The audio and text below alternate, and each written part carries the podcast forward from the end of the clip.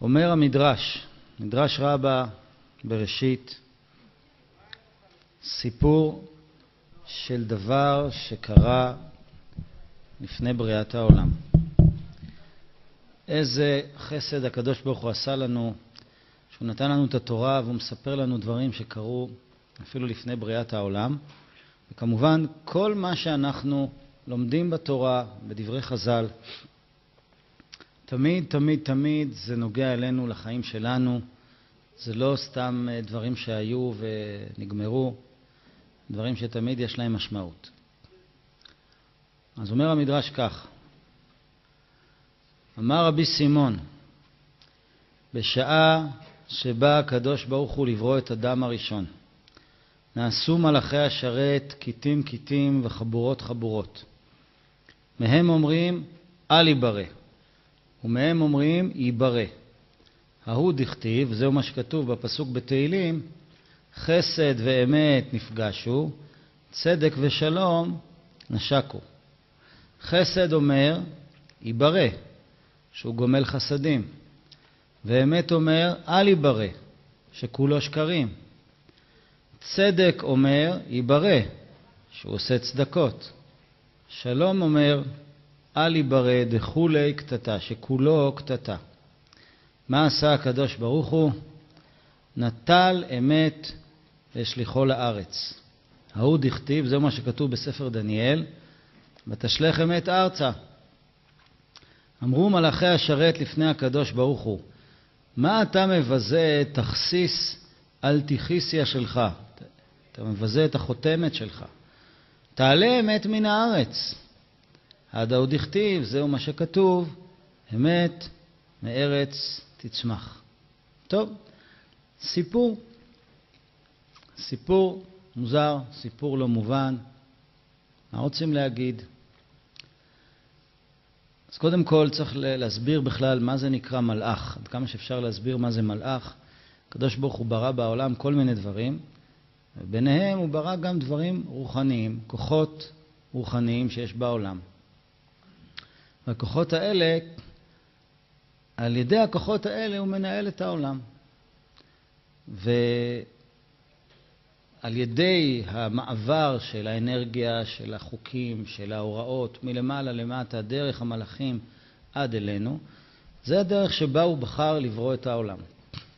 כמובן שכל בוראי עולם, גם הגשמיים וגם הרוחניים, כולם שרים למשמעתו של בורא עולם, אף אחד לא יכול לעשות שום דבר נגד רצונו. ואף על פי כן, הקדוש ברוך הוא נתן בעולם כוח של בחירה.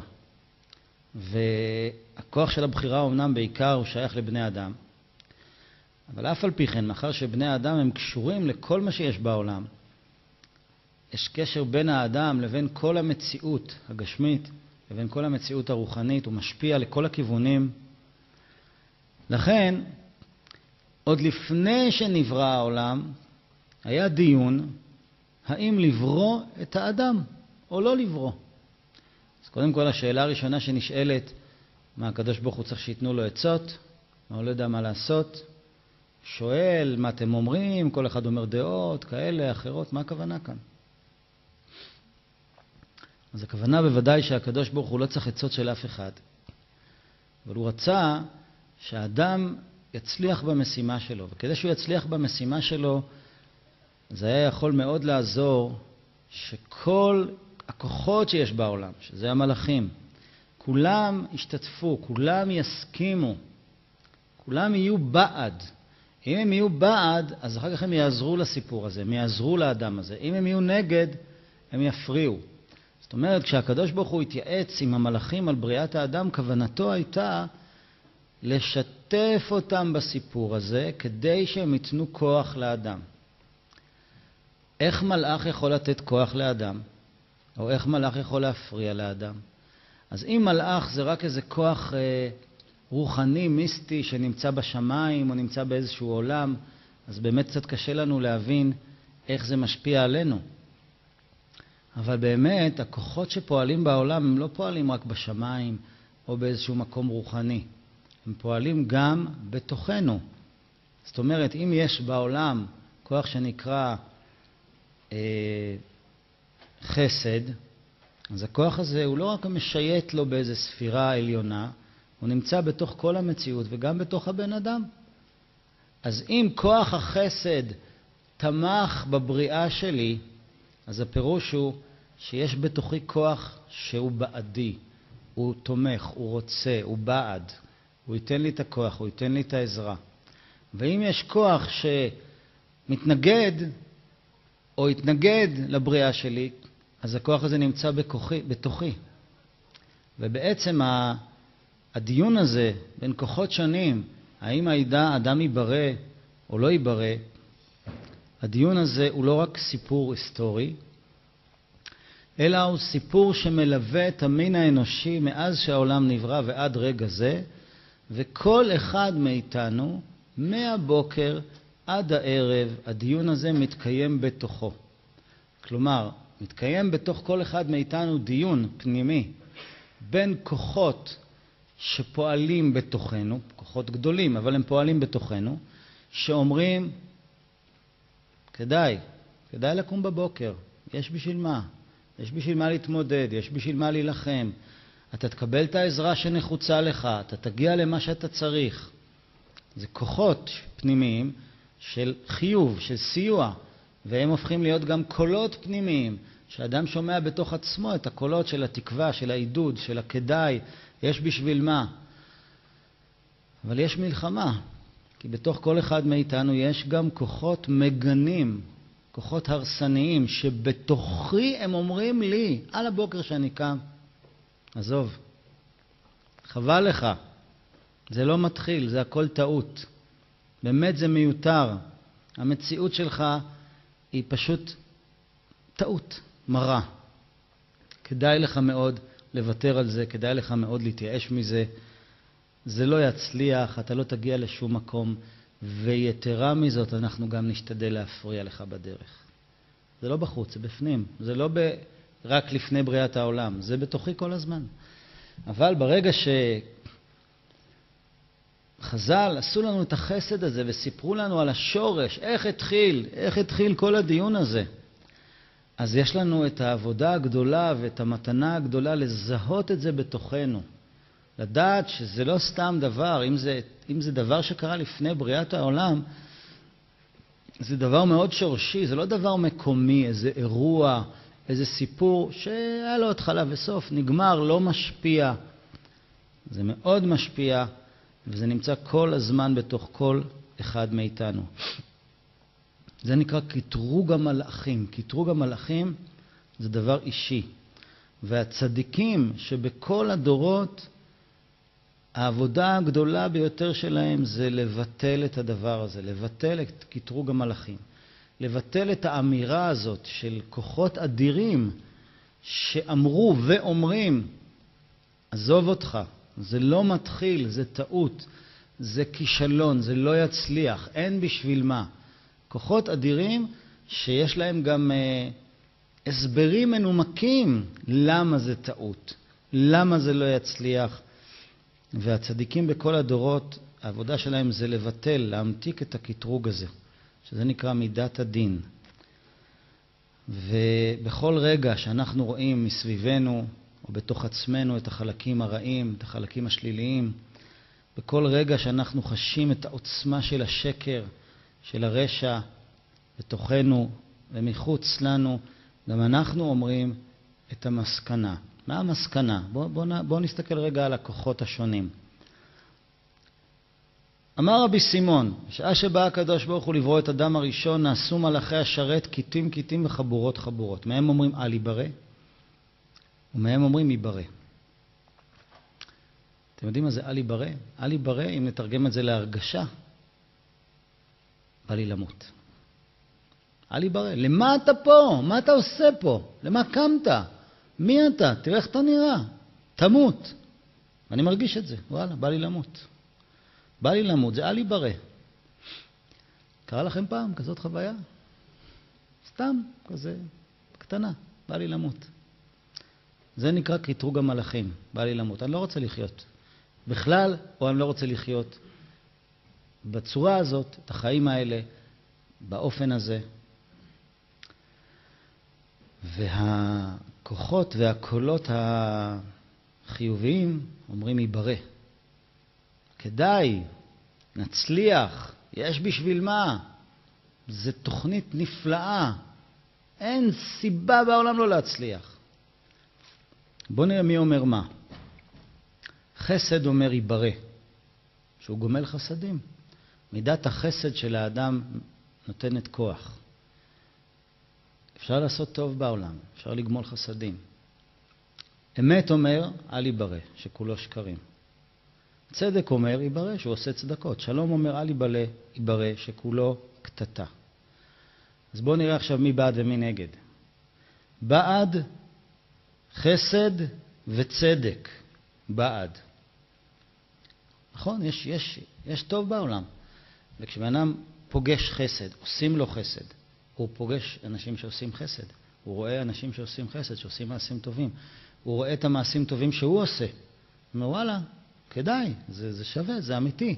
יש פה דברים טובים, יש פה מעשים טובים, יש טוב בעולם, יש בשביל מה, יש בשביל מה לחיות, כדאי.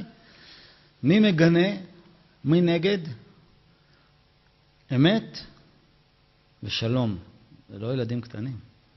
אמת ושלום. האמת אומרת, אתם יודעים מה זה נקרא שהאמת אומרת? שהאמת אומרת משהו, הכוונה שזאת האמת. זה האמת אומרת, אל ייברא. האמת אומרת, אם נסתכל באמת על הבן אדם, כולו שקרים. גורף על כל בני האדם. יש פה ושם קצת אמת, כן, אבל זה לא, לא מצדיק. לא מצדיק את המוצר הזה. כולו שקרים. האמת אומרת, מפחיד. אם זה היה שקר, הייתי מתווכח, אם זה היה לא נכון, הייתי... אבל זה האמת אומרת, שמע, עזוב, תסתכל רגע על ההתנהגות שלך, תראה את הקטעים שלך, תראה את השקרים שלך, תראה את ההצגות שלך, תראה את הזיופים שלך, תראה, הנה, מה אתה רוצה? זה המציאות. שלום גם אומר, אל ייברא. כולו קטטה, כל הזמן מריבות, מריבות, מריבות, מריבות, מריבות, כל היום, למעלה, למטה. עם הילדים, עם ההורים, עם האישה, עם השכנים, עם הבוס, עם העובדים, עם... עזוב, עזוב, בשביל מה? בין האומות, בזה, כל, כל, כל היום, כל היום, כל היום. זהו, זה המציאות, כל הזמן, מי נגד מי. אז די, זה, זה כישלון, אין שלום, אין שלום, אז בשביל מה? וזה כוחות שיש בתוך הבן אדם. האמת שלי אומרת, תמות. וה, והשלום שלי אומר, בחיים אתה לא תחיה בשלום עם אף אחד. תראה, איך אתה רב עם כולם. תראה איך אתה מסוכסך עם עצמך, עם אשתך, עם הילדים, עם האור. תראה, תסתכל על עצמך, מה אתה רוצה? תמות, אמרנו. משכנע, נכון?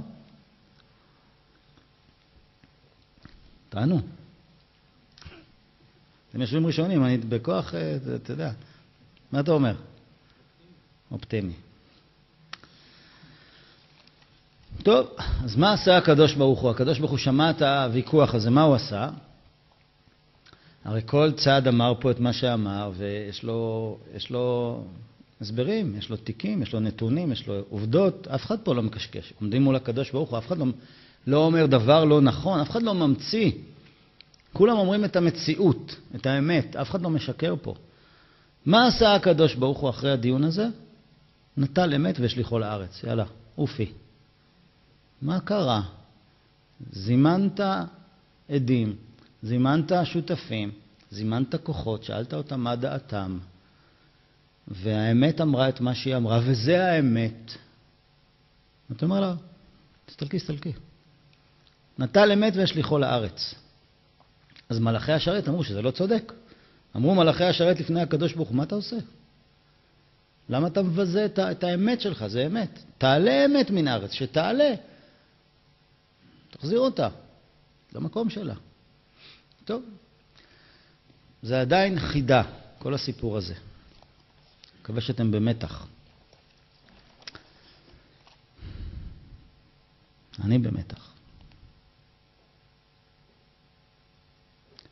אומר רבי נתן בליקוטי הלכות, כי בוודאי האמת הפשוט והשקפה ראשונה מחייב שלא יהיה נברא האדם שכולו שקרים. מאוד פשוט. מסתכלים על המין האנושי, באמת, האמת היא, זה היה מיותר, כל הניסיון הזה. זה נכשל. הכל שקר, הכל מריבות. בשביל מה? זאת האמת, זה, זה הדבר הטריקי פה, שזאת האמת. אבל בואו נסתכל עכשיו הלאה על המדרש ונראה שיש פה איזשהו דבר מאוד מעניין שקורה. ההתייחסות של הקדוש ברוך הוא לאמת הזאת היא מאוד משונה. ההסתייגות שלו מהאמת, חשוב להזכיר את זה כל הזמן, אנחנו מדברים על האמת. ההסתייגות שלו מהאמת הזאת היא כל כך גדולה, עד שהתגובה שלו זה סילוק לחלוטין מהדיון. כנראה, בוא נגיד, אם מישהו מזמין חברים, שותפים לדיון, והוא מסלק משם, מגרש משם את אחד השותפים, כנראה שקרה שם דבר מאוד חמור. הוא לא אומר לו, תראה, זה לא בדיוק ככה, נשקול את זה, יש עוד צדדים. זה לא התייחסות עדינה בכלל, זו התייחסות מאוד מאוד חריפה. נטל אמת, ישליכו לארץ. דמיינו את זה. זה משהו מאוד מאוד תקיף, זה צעד מאוד מאוד אלים. תעופי מפה, לארץ. בכלל, את לא בקטע של הדיון. אז דבר אחד אנחנו רואים, שהקדוש ברוך הוא לא מעוניין באמת הזאת. זה קצת מוזר, הרי זה אמת, אבל הוא לא מעוניין בה, זה הסיפור. טוב, ממשיך רבי נתן ואומר, שכמו שהקדוש ברוך הוא התייחס לאמת הזאת, ראינו שגם עוד מישהו מתייחס ככה לאמת הזאת. וכנראה שזה מין שיטת התייחסות. שאם הקדוש ברוך הוא מתייחס ככה, אז תכף נראה שגם משה רבנו מתייחס ככה, וממילא אנחנו יכולים להבין שכל הצדיקים האמיתיים בכל הדורות מתייחסים ככה. מה קרה עם משה? בסוף התורה יש פסוק שמסתיים במילים לעיני כל ישראל. זה המילים האחרונות של חמשת חומשי תורה, לעיני כל ישראל. מה קרה לעיני כל ישראל? התורה משבחת את משה רבנו על הדבר הגדול שהוא עשה לעיני כל ישראל. הוא עשה דבר שכולם ראו אותו, והתורה אומרת לו, כל הכבוד למה שעשית לעיני כל ישראל. מה הוא עשה? הוא שבר את לוחות הברית. שימו לב מה קורה. משה רבנו מקבל את התורה. התורה היא תורת אמת, והתורה נותנת לבן אדם דרך איך צריך להתנהג. מה טוב, מה רע, איך צריך להתנהג, איך לא צריך להתנהג. ומשה רבנו מגיע עם האמת הקדושה הזאת, אחרי שהוא הגיע לדרגה של קדושה שלא תיאמן, הוא יורד מהר סיני, ממש יותר ממלאך, הוא מחזיק בידו את האבן ספיר הזאת שבתוכה חקוקים מצד אל צד בצורה ניסית, עשרת הדיברות, הוא יורד עם האמת של בורא עולם. ומה הוא מוצא? מה הוא מוצא? סיבת סמים, זה מה שהוא מוצא. כן, בצורה פשוטה מאוד. זה הסיפור של העגל. היה את העגל ומחולות, נכנסים לקטע, יאללה, פורקים כל עול, לא מעניין אותנו כלום. עכשיו אנחנו רואים שני דברים. אחד, אמת אלוקית קדושה יורדת משמיים. שתיים, המציאות של בני האדם, שאמורים לקבל את האמת הזאת, היא על הפנים. כולו שקרים, כולו קטטה, כולו זנות, כולו תאוות. עכשיו יש דילמה בין שני הדברים. אם משה מחזיק את התורה, ועכשיו הוא מחזיק אותה מול עם ישראל, מה הוא עושה בעצם? הוא הורג אותם. הנה האמת, ולפי האמת הזאת, באמת, אין לכם קיום. אין הצדקה לקיום בני אדם שמתנהגים בצורה כזאת, מתחת לכל ביקורת. אם משה ממשיך להחזיק את הלוחות, האמת של התורה הייתה מנצחת. ומה היה קורה? עם ישראל היה נמחק מעל פני האדמה, ואולי גם כל העולם היה נמחק מעל פני האדמה, כי האמת אומרת, אל ייברא. שוב חזרנו לאותה נקודה, האמת שבידיים של משה אומרת, תמותו. כי ככה, אם מתנהגים ככה, אז בשביל מה? וכדי להדגים את ההרגשה בתוך המצב הזה. חז"ל אומרים, עלובה קלה מזנה ביום חופתה. לא עלינו, לא על אף אחד מישראל. אנשים יכולים להידרדר ולהסתבך בכל מיני פרשיות. אבל ביום של החופה, מה זה? זה פשוט צריך להיות אישיות מחוקה, מתחת לכל ביקורת. חז"ל אומרים, זה הייתה כביכול ההרגשה של הקדוש ברוך הוא במתן תורה. הוא בא עם התורה, יש לנו כבר חתן אחר, עזוב. יש לנו כבר מסיבות משלנו, לא מעניין אותנו מה אתה רוצה. אבל משה הבין משהו, הוא הבין שיש עכשיו התנגדות בין האמת לבין המציאות. מה הוא עשה? לקח את התורה וריסק אותה, פירק אותה, מחק אותה, אין תורה. זרק אותה, השליך אותה לארץ. אין אמת. בדיוק כמו שהקדוש ברוך הוא עשה, השליך את האמת לארץ, גם משה לקח את התורה, השליך אותה לארץ, שבר אותה, ריסק אותה, כאילו אין תורה. וסוף התורה, הפסוק האחרון בתורה, משבח את משה רבנו ואומר, תשמע, כל הכבוד, ששברת את הלוחות. הקדוש ברוך הוא שבע רצון מה... הבנת מה מוטל עליך לעשות. הבנת שאם תישאר עם האמת המקטרגת, הכל ייגמר. והבנת שהקדוש ברוך הוא לא רוצה את האמת הזאת. אם הבחירה היא בין אמת לבין קיום בני האדם, הקדוש ברוך הוא לא רוצה את האמת. מוותר על האמת. אני רוצה שבני אדם יהיו קיימים. אבל בשביל מה אם הם כאלה? אומר רבי נתן בליקוטי הלכות, מסביר. כי משה רבנו ראה גודל החורבן שחטאו ישראל כל כך ועברו על כל התורה ועבדו עבודה זרה עד שהיה משורת הדין על פי התורה להרחיק ולהעביד ישראל חס ושלום. על כן השכיל משה והשליך את הלוחות לארץ, להורות שאף על פי שהם תורת אמת, אף על פי כן, מאחר שעל ידם עולה על דעתו שאפס תקווה, ואי אפשר להתפלל עוד על ישראל, על כן השליחם ארצה והרחיקם מעל פניו. וחיזק את עצמו להאמין שאי אפשר להשיג עמקות דעתו כלל, עד שהבין שאף על פי כן השם ידבח רוצה שיתפלל עליהם. תראו מה זה צדיק. צדיק גדול, צדיק אמיתי. הוא אמר, לפי מה שאני רואה, שיש לי ביד, תורה של הקדוש ברוך הוא, מה שהוא רוצה שבני אדם, איך, הוא, איך הם יתנהגו, ואני מסתכל על המציאות העגומה ביחס לתורה, אז אני מבין שעולה על דעתי שאין תקווה. כי החיבור בין האמת לבין המציאות, הוא אומר, תשמע, זה אבוד, הם לא... אז משה אמר, אם אני מגיע לנקודה של ייאוש מיהודי, אז זה לא רצון השם. זה לא רצון השם. ואם זה לא רצון השם, אני אקח את התורה הקדושה הזאת ואני ארסק אותה ואני אזרוק אותה, ואין תורה. על כן השליחם ארצה והרחיקה מעל פניו, וחיזק את עצמו. מה הוא חיזק את עצמו? הרי זה התורה, זה האמת. מה הוא חיזק את עצמו כל כך? אז, אז, אם, אז אם אין תורה, אז בשביל מה יש עולם? מה הרעיון? וחיזק את עצמו להאמין שאי אפשר להשיג עמקות דעתו כלל. תראו איזה דבר מדהים. זאת אומרת ככה, יש אמת של איך צריך להתנהג, איך צריך להיות העולם, מה קורה, ויש עוד משהו. והעוד משהו הזה נקרא עמקות דעתו. מה דעתו של הקדוש ברוך הוא? הרי בדיון הראשוני הקדום שהתקיים בין המלאכים לפני בריאת העולם, מה שהאמת אמרה, מה שהשלום אמר, מה הקדוש ברוך הוא לא יודע את זה?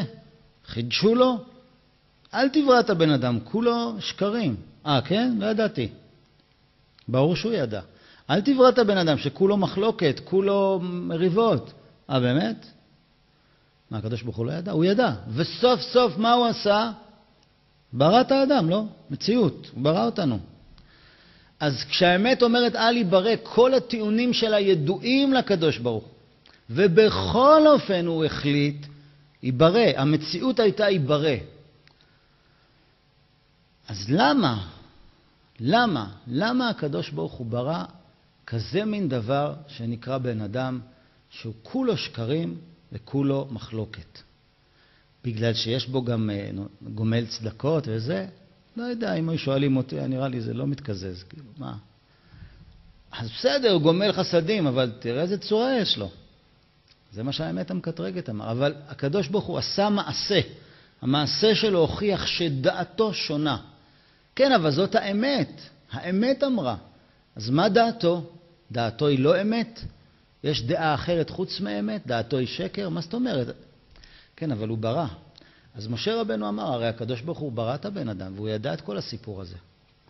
ועכשיו יש משהו שגורם את, את, את החיסול של האדם, את הדין על האדם, את, את הביטול של האדם. אל ייברא.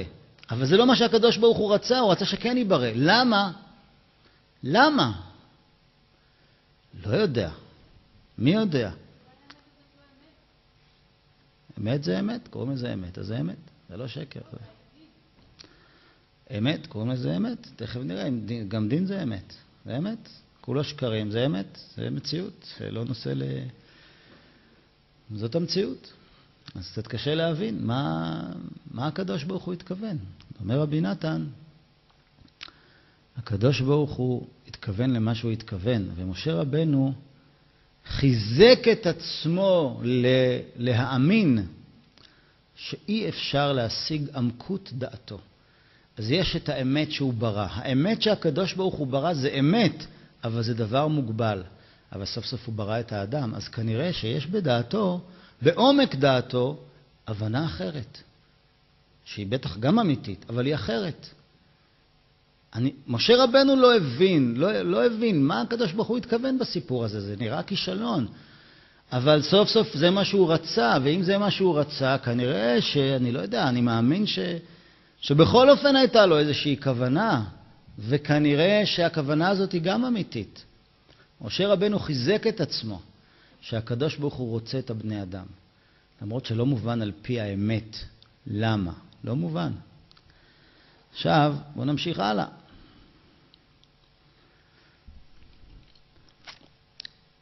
הדבר הזה שנקרא אמת, זה נקרא מידת הדין. זה אמת, זה לא שקר. וההרגשה שאנחנו מרגישים הרבה פעמים של בשביל מה כל זה, איזה צורה יש לחיים שלי, או לזוגיות שלי, או ליהדות שלי, או לאבהות שלי, או לעבודה שלי, או לא יודע, לרוחניות שלי, איזה צורה יש לזה? ההרגשה הזאת זה דבר אמיתי, כי יש לנו נתונים. תסתכל על עצמך בחייך, תראה את האמת. עכשיו אנחנו מגלים חידוש בכל הסיפור הזה, איך הקדוש ברוך הוא הגיב לאמת. אנחנו עוד לא יודעים מה הפתרון לחידה, אז, אז, אז למה? אבל אנחנו רק רואים דבר אחד, הקדוש ברוך הוא הגיב בחריפות מאוד גדולה לאמת שיוצא ממנה קטרוג. אמת שהמסקנה שלה אל ייברא, הקדוש ברוך הוא מעיף אותה לכל הרוחות. הוא לא רוצה לשמוע מזה. עוד לא יודעים למה, אבל הוא לא רוצה. משה רבנו הגיע לסיטואציה שאמת גורמת קטרוג, הוא לא רוצה, הוא זורק את זה. זאת אומרת כך, אמת בעירבון מוגבל. זה נורא משונה. אנחנו אוהבים את האמת, רוצים את האמת. מה, אז אני רוצה להיות שקרן? אז מה, אז מה, מה קורה? אנחנו עוד לא יודעים מה קורה, אבל אנחנו רק יודעים דבר אחד. אם אני, או כל אחד מאיתנו, נתקל באיזשהו מצב בחיים שלו, באמת, שממנה המסקנה היא קטרוג, דין, ייאוש, חוסר תקווה, הרצון האלוקי הוא לזרוק את זה לכל הרוחות. להתעלם מזה, להעיף את זה, לזרוק את זה לארץ. זה הדרך שהקדוש ברוך הוא מתייחס לאמת כזאת. אמת שיוצרת קטרוג, אמת שיוצרת ייאוש. הקדוש ברוך הוא אומר, שמע, זה לא מה שהתכוונתי, זה לא הרעיון, זה לא הכיוון. ותראו כמה פעמים כשבן אדם מתייאש, הוא מתייאש בגלל האמת. הוא מתייאש מעצמו, הוא מתייאש מהבן זוג שלו, הוא מתייאש מהילדים שלו, מההורים שלו, מהחיים שלו, מהיהדות שלו. למה? כי סוף סוף הוא אומר, טוב, אבל תראה את המציאות, תראה איך אני מתנהג, תראה איך היא מתנהגת, תראה איך הם מתנהגים, תראה מה קורה. תשמע, המצב הוא לא... אז בשביל מה? מדובר פה על אמת. אומר לנו המדרש, תקשיב, האמת הזאת היא לא רצויה. אמת שגורמת ייאוש היא לא רצויה. תסתכל, אתה מיואש ממשהו, איבדת תקווה, יש לך איזה קטרוג, אתה מרגיש שאתה רוצה למות, אתה מרגיש שאחרים צריכים למות, אתה מרגיש שהעולם צריך למות, תמחוק את זה. כן, אבל תראה, בסדר, אנחנו יודעים מה, אנחנו יודעים את המציאות. רבי נתן אומר דבר מאוד חשוב. מידת האמת היא דבר נאצל ונברא על ידי השם. זה לא השם בעצמו. השם בעצמו זה אין סוף רחמים. והשם בעצמו ברא משהו שקוראים לו אמת, אבל המשהו הזה הוא מוגבל, זה נברא. והכוח של הנברא הזה הוא גם כן מוגבל. לכן יש מסתבר, שני סוגים של אמת. אומר רבי נתן, שהאמת, בגלל שהיא נבראת, היא כבר מוגבלת. עצם העובדה שהיא נבראת, היא מוגבלת. ולכן היא לא משיגה את האמת של השם בעצמו. וככה הוא כותב, רק מחמת שתכף שנאצל האמת מאיתו יתברך, לא היה אפשר להשיג עמקות דעתו. ברגע שנבראה האמת, היא מיד נכנסה למוגבלות. נכון, זה שופט, יש לו את כל הנתונים, אבל הוא רואה עד גבול מסוים. הוא לא רואה את כל התמונה. אז יש אמת נבראת ויש אמת בעצמה. שתי אמיתות. איך יכול להיות ששתי אמיתות? איך יכול להיות שאמת אחת אומרת ככה ואמת אחרת אומרת בדיוק הפוך? אז איפה האמת? זה לא... אז יש אמת שהיא קוראת את המפה ברמה מסוימת. כן, תכף נראה מה זה אמת לאמיתה. אז יש אמת שקוראת את המפה ברמה מסוימת. זאת אומרת, כמו שופט, שמציגים לפניו את כל הנתונים. חז"ל אומרים, אין לו לשופט אלא מה שעיניו רואות. יש לו את הנתונים. אבל יכול מאוד להיות שיש הרבה נתונים שהוא לא יודע עליהם כלום. שפשוט לא הגיעו לידיו, לא הגיעו לידיו הנתונים. מש... הוא יודע את האמת, אבל הוא יודע חלק מהאמת.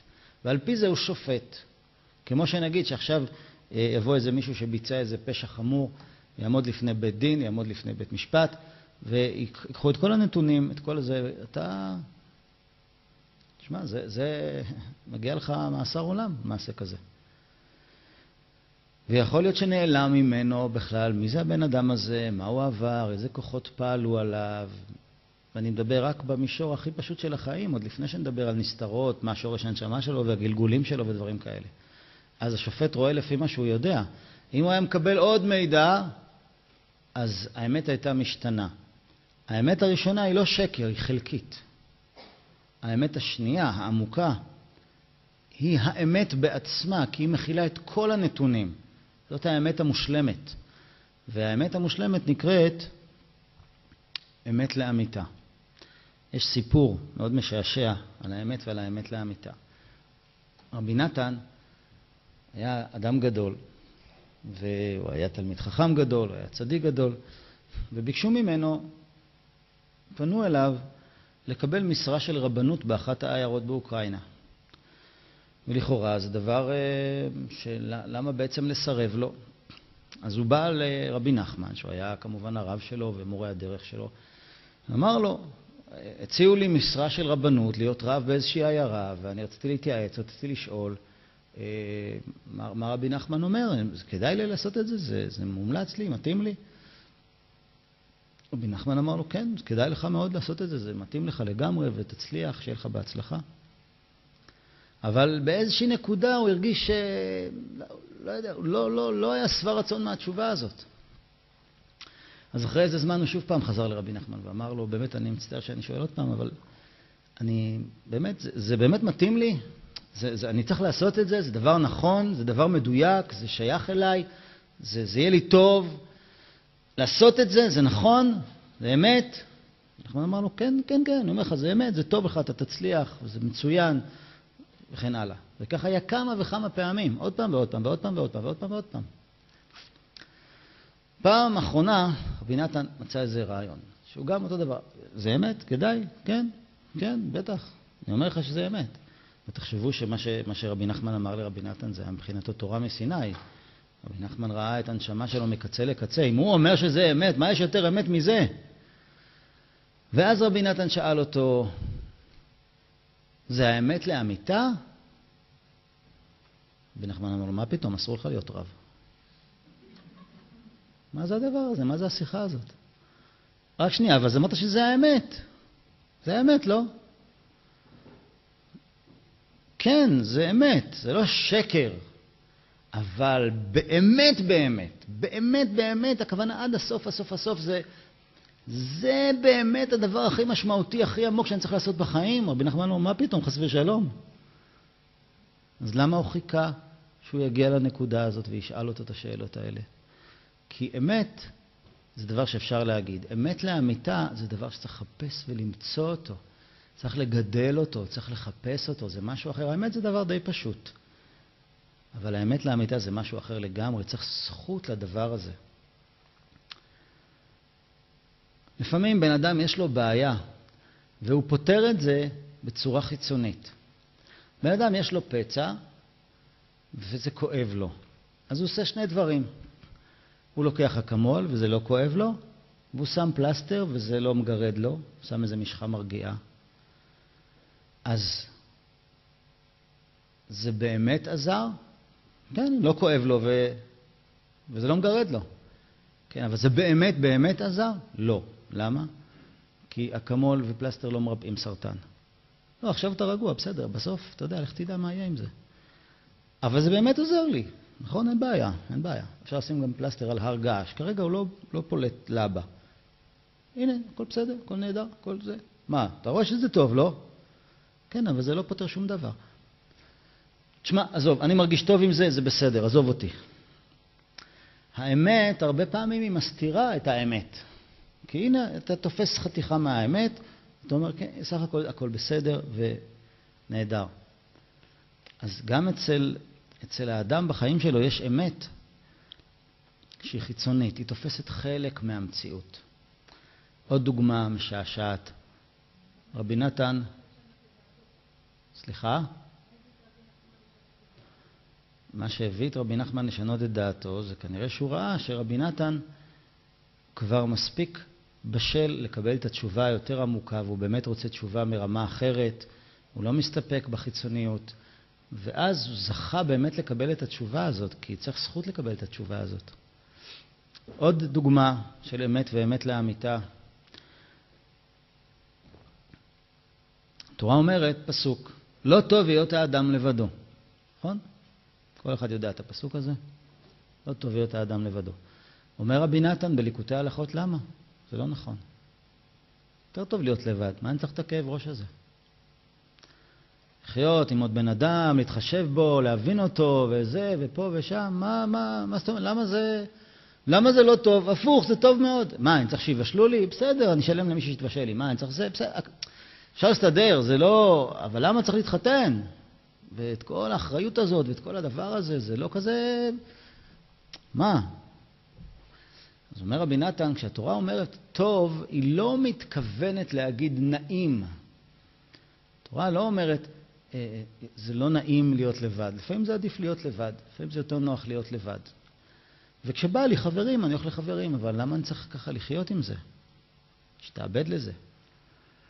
אומר רבי, נח, רבי נתן שהתורה אומרת לא טוב היות האדם לבדו, היא מתכוונת ביחס לתכלית של חיי האדם עלי האדמות, זה לא טוב. התכלית שלי זה להשתנות.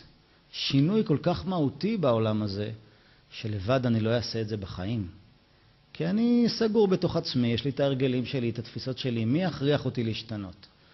אבל אם אני חי עם עוד אדם, יום-יום, ואני צריך להשתנות, ואני צריך להבין אותו, ואני צריך ללכת לקראתו, ואני צריך ללמוד לתקשר איתו, ואני צריך לשנות את עצמי בהרבה עניינים, אז ביחס למה שאני צריך להגיע, זה נקרא טוב. אז זה טוב אמיתי בגלל שזה מוביל לתכלית של האדם. אז באמת טוב היות האדם לבדו, אבל באמת לאמיתה לא טוב היות האדם לבדו. והרבה עניינים אנחנו נוכל למצוא את הכפילות הזאת.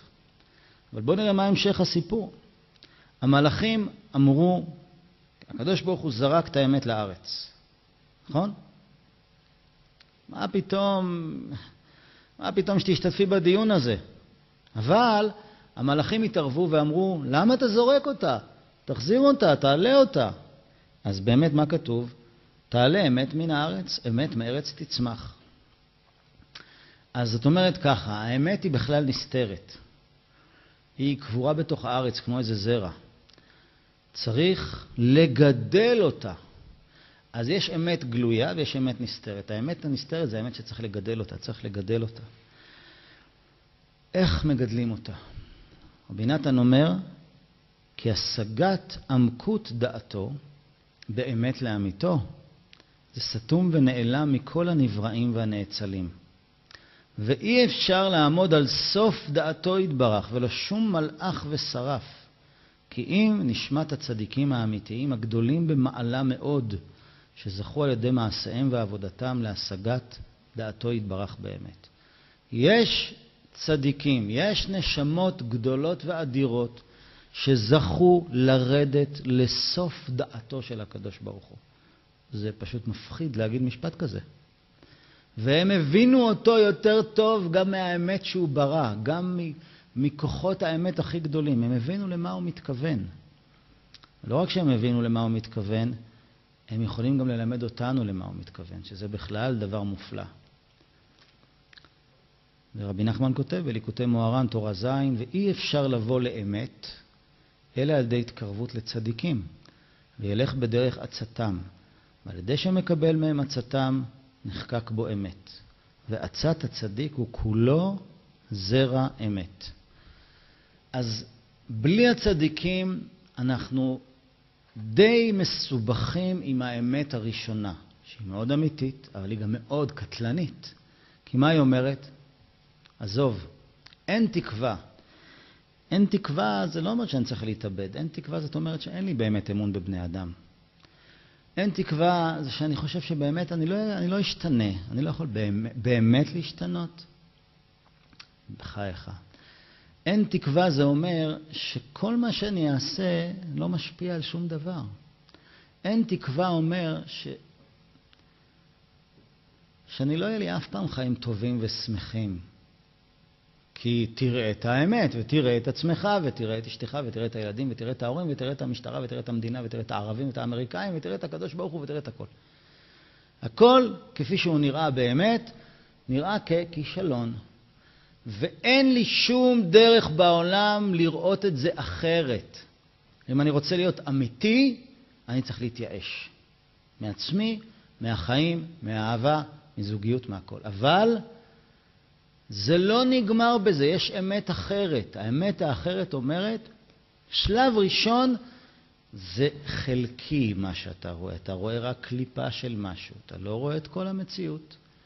כמו שילד שהולך לרופא שיניים ואבא שלו לוקח אותו לטפל לו באיזה משהו שכואב לו, הוא רק רואה את זה שעכשיו קודחים לו בשן, הוא לא רואה את התמונה שבעצם האמת שעושים לי טובה גדולה. הוא לא רואה את האמת הזאת. איזה אמת הוא רואה? שכואב לו.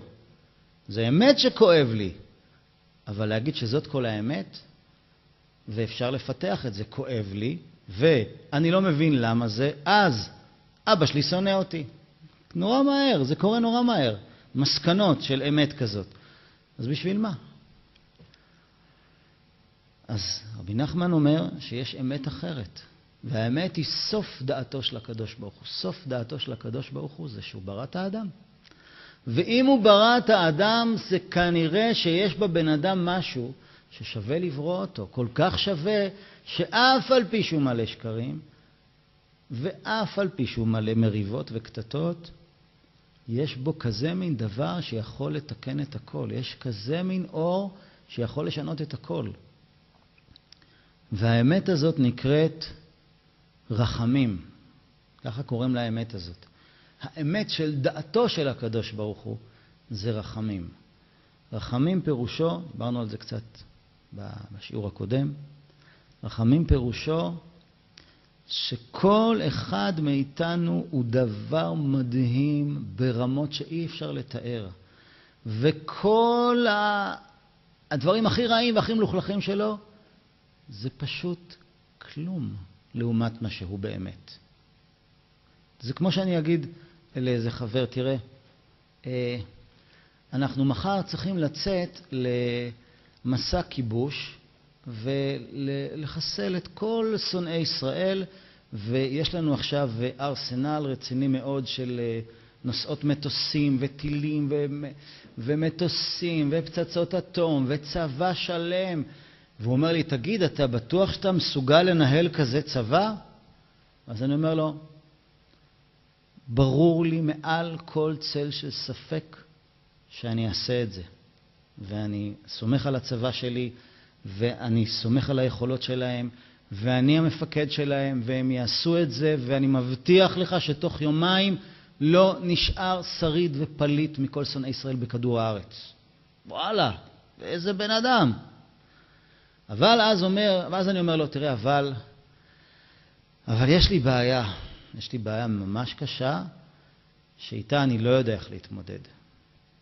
אני ממש נשבר לי הלב לרסיסים, אני לא יודע אפילו אם אתה תוכל לעזור לי בבעיה הזאת. מה הבעיה שלך? אתה רואה, בספה שאני יושב עליה בבית, יש קצת אבק מתחת לספה.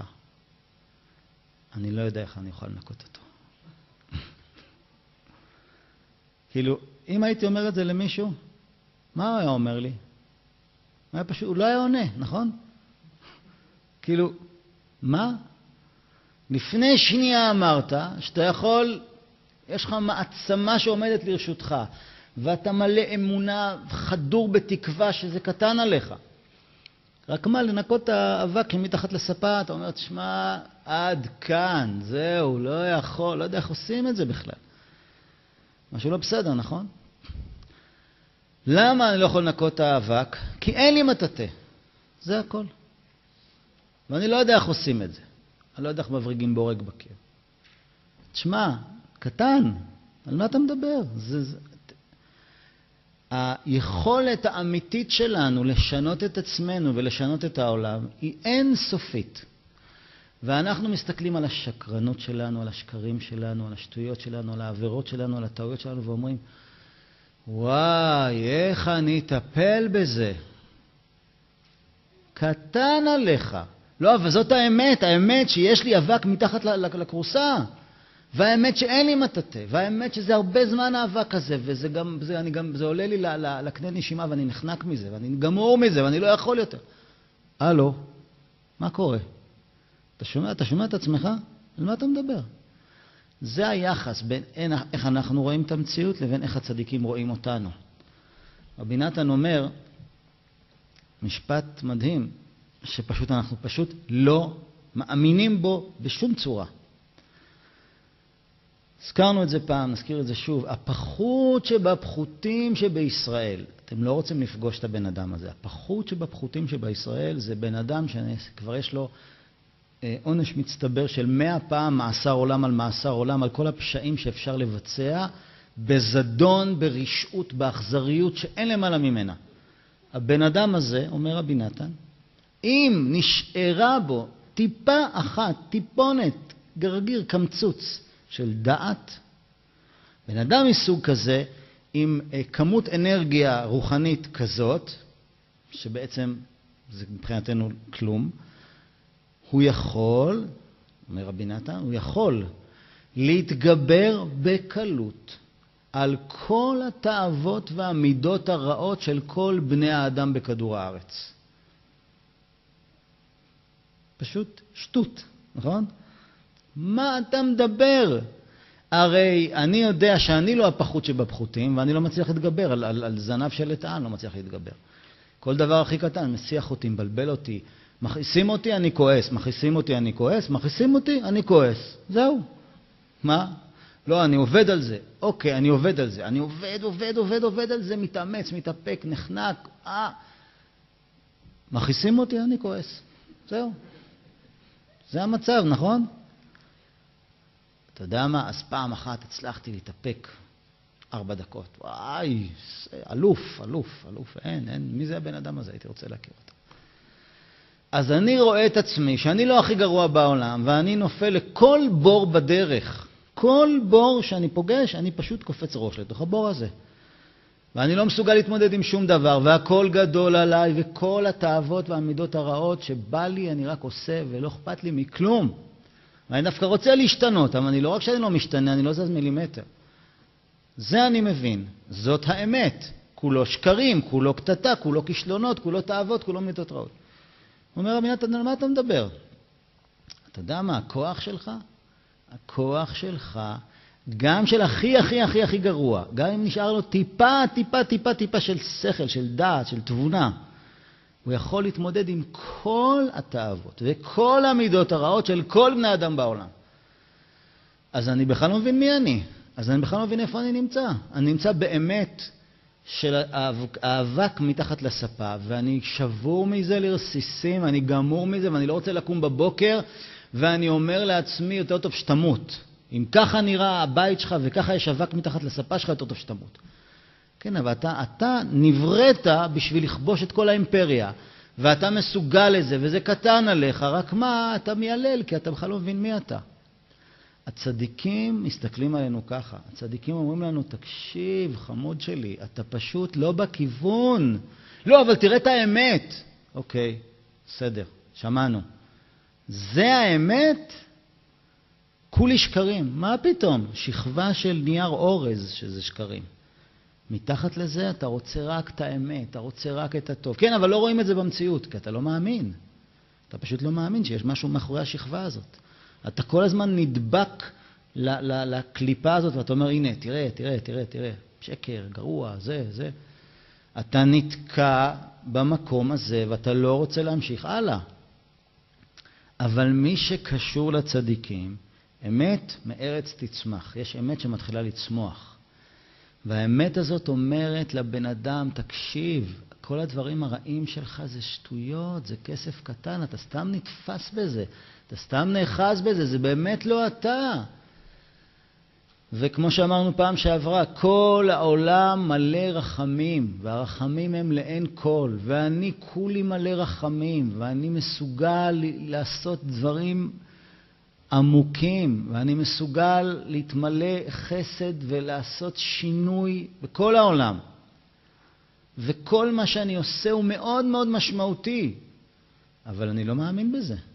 אז לכן אומר רבי נתן, בלי הצדיקים אתה לא, אתה לא תצליח לעשות את זה. כי כל פעם שתיכשל באיזה דבר, ישר יגיעו השדים ויגידו, נו, נו, רואה? למה התחתנת? הרי אמרנו לך מראש. למה הלכת לעבוד? הרי אמרנו לך. למה ניסית לקיים מצוות? הרי אמרנו לך. למה ניסית להתגבר על הכעס? למה ניסית לעשות דיאטה? למה ניסית לשמור שבת? למה ניסית לגדל ילדים? למה ניסית לשחק אותה צדיק? הרי אתה, אנחנו יודעים מי אתה. הנה, תראה, יש לנו תיקים מכאן, לא יודע איפה, ארונות של תיקים עליך. ואתה יודע מה כתוב בתיקים האלה. מה אתה מנסה לשחק אותה עכשיו שאתה יכול להשתנות ואתה טוב? אתה לא. תראה את האמת. אז רבי נתן אומר, אוקיי, זאת האמת. אבל, חכו רגע, צדיקים מגלים לנו את עומק דעתו של הקדוש ברוך הוא. הקדוש ברוך הוא אומר, נכון, זה האמת על האבק שמתחת לספה. זה האמת על הקליפה הדקה שמסתירה לך את עצמך, אבל בוא תראה מי אתה באמת, באמת, באמת. לא ככה חיצוני. באמת, אם אתה רק היית מאמין בזה, היית נותן לזה כוח. כי אם יזכה, אומר רבי נתן, תראו איזה דיבורים. כי אם יזכה, שם, שם הכוונה במקום הנמוך, השפל, עם השקרים, עם השטויות, עם המריבות, עם הקטנוניות, עם כל הסריטות, עם הכל, הכל, הכל, אין בעיה, אוקיי. זה המקום. אם יזכה שם לזכור בהשם יתברך, להגיד אוקיי, בסדר, אבל יש בורא לעולם. ולעשות שם מה שיוכל, אבל אני אעשה מה שאני יכול. אני מאמין שזה משמעותי. מה שמרמז לו השם יתברך. אם הוא יזכה, להאמין שהוא נורא נורא משמעותי גם בתוך כל הבלגן והביצה שלו, אז מה שיקרה, כי לפי המקום הזה יכול לזכות בעבודה קטנה לעשות נחת רוח ושעשוע גדול להשם יתברך, מה שלא היה זוכה במקום קדוש ביותר. כי השם יתברך מקבל תענוג ושעשוע גדול מאוד כשעולה לפניו איזה עבודה ממקום הנמוך ורחוק מאוד, כמובן בדברי חכמינו ז"ל כמה פעמים. אז רבי נתן אומר, אתה לא צריך עכשיו להגיד, טוב, אני רואה אמת בשכבה אחת, ולך תדע, יום אחד, אולי עוד אלפיים שנה, אני אגלה את האני האמיתי שלי, שהוא מה זה מדהים. טוב, נגיד, אני מאמין, יופי, יום יבוא. רבי נתן אומר, לא, לא הבנת.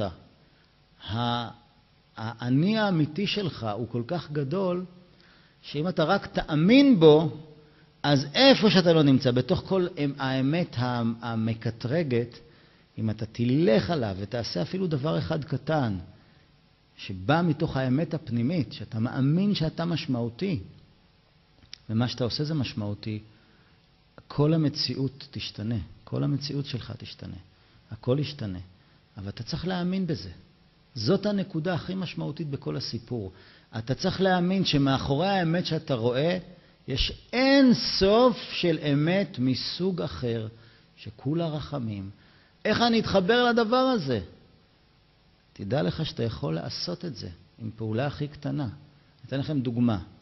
האדם הרבה פעמים מסתכל על עצמו ואומר, טוב, מה אני כבר עושה? מה אני כבר עושה? מה זה כבר משנה? אז תדעו לכם שנגיד בן אדם מנסה להשתנות באיזושהי נקודה. יש פה איזשהו, איזשהו תעתוע, איזשהו שקר. נגיד בן אדם מנסה לא לכעוס. אני תמיד אוהב לקחת את הדוגמה הזאת, היא מאוד אה, לא מאיימת על אף אחד, אף אחד לא קשור לדברים האלה. זה דוגמה, כן. כן. נגיד שיש אנשים כאלה בעולם שהם יכולים להתעצבן על משהו. אז בן אדם, ברגע שהוא מגלה את הסוד הגדול הזה, שזה לא טוב לכעוס, שזה מאוד יפה מצידו, עכשיו הוא מתחיל להתמודד ולהתמודד ולהתמודד. והנה אנחנו מוצאים אותו אחרי כמה שנים של התמודדות, ובעצם הוא לא זז מילימטר כי הוא עדיין כועס. אז מה אומר לנו עכשיו רבי נתן? אתה רוצה לראות את האמת הפנימית? אתה רוצה לראות את הגדולה של הנשמה שלך? בוא אני אראה לך. אחרי כל מה שעברת, ואחרי כל מה שניסית, ולא התייאשת, אתה יודע למה לא התייאשת? כי האמנת שיש רובד אחר. ושם ברובד הזה מה עשית? אמרת, טוב, אז אני כועס, אבל אני אנסה להתאפק. והצלחת להתאפק דקה. יפה מאוד. נגיד אחרי עשר שנים הצלחת להתאפק דקה? יפה. מה זה סתם, זה שטויות? לא, זה לא שטויות. הדקה הזאת היא כמו יהלום שאין אין עוד אחד כזה, רק אחד בכל כדור הארץ. וזה מראה מה אתה באמת. למה? מה כל כך מיוחד בדקה הזאת? שהדקה הזאת היא אחרי עשר שנים של יום אחרי יום, שעה אחרי שעה, שאני מנסה לכעוס ולא מצליח, מנסה ולא מצליח, ועוד פעם מנסה. אז תספרו כמה, כמה מנסה יש פה. עזבו את המצליח. מנסה, מנסה, מנסה, מנסה. כל מנסה הוא יותר קשה, יותר קשה מהראשון. כי בפעם הראשונה שניסיתי אמרתי, יאללה, קטן עליי, מהיום אני... וואי, עוד פעם כעסתי. טוב, אז uh, אתה יודע מה? יאללה, בוא ננסה עוד פעם. מנסה, בום. אתה יודע מה? לא בא לי. אתה יודע מה? עוד פעם. כל פעם שאני מנסה פעם נוספת, אני צריך לגייס כוחות נפש הרבה יותר גדולים כדי לנסות עוד פעם. אז אם אני אחרי עשר שנים מנסה, לא מדבר שהצלחתי, אני רק מנסה. אז תחשבו מה עוצמת הנשמה שהיא עוד בכלל חושבת על זה, שאפשר לנסות. מה, אתה חושב שאתה יכול לא לכעוס? איזה אמונה, איזה דבר מדהים. הנה, בשביל אחד כמוך הקדוש ברוך הוא ברא את העולם. כן, כולו שקרים. איזה כולו שקרים? כמה אמת יש בבן אדם שכואב לו שכולו שקרים. יש בו נקודת אמת מדהימה.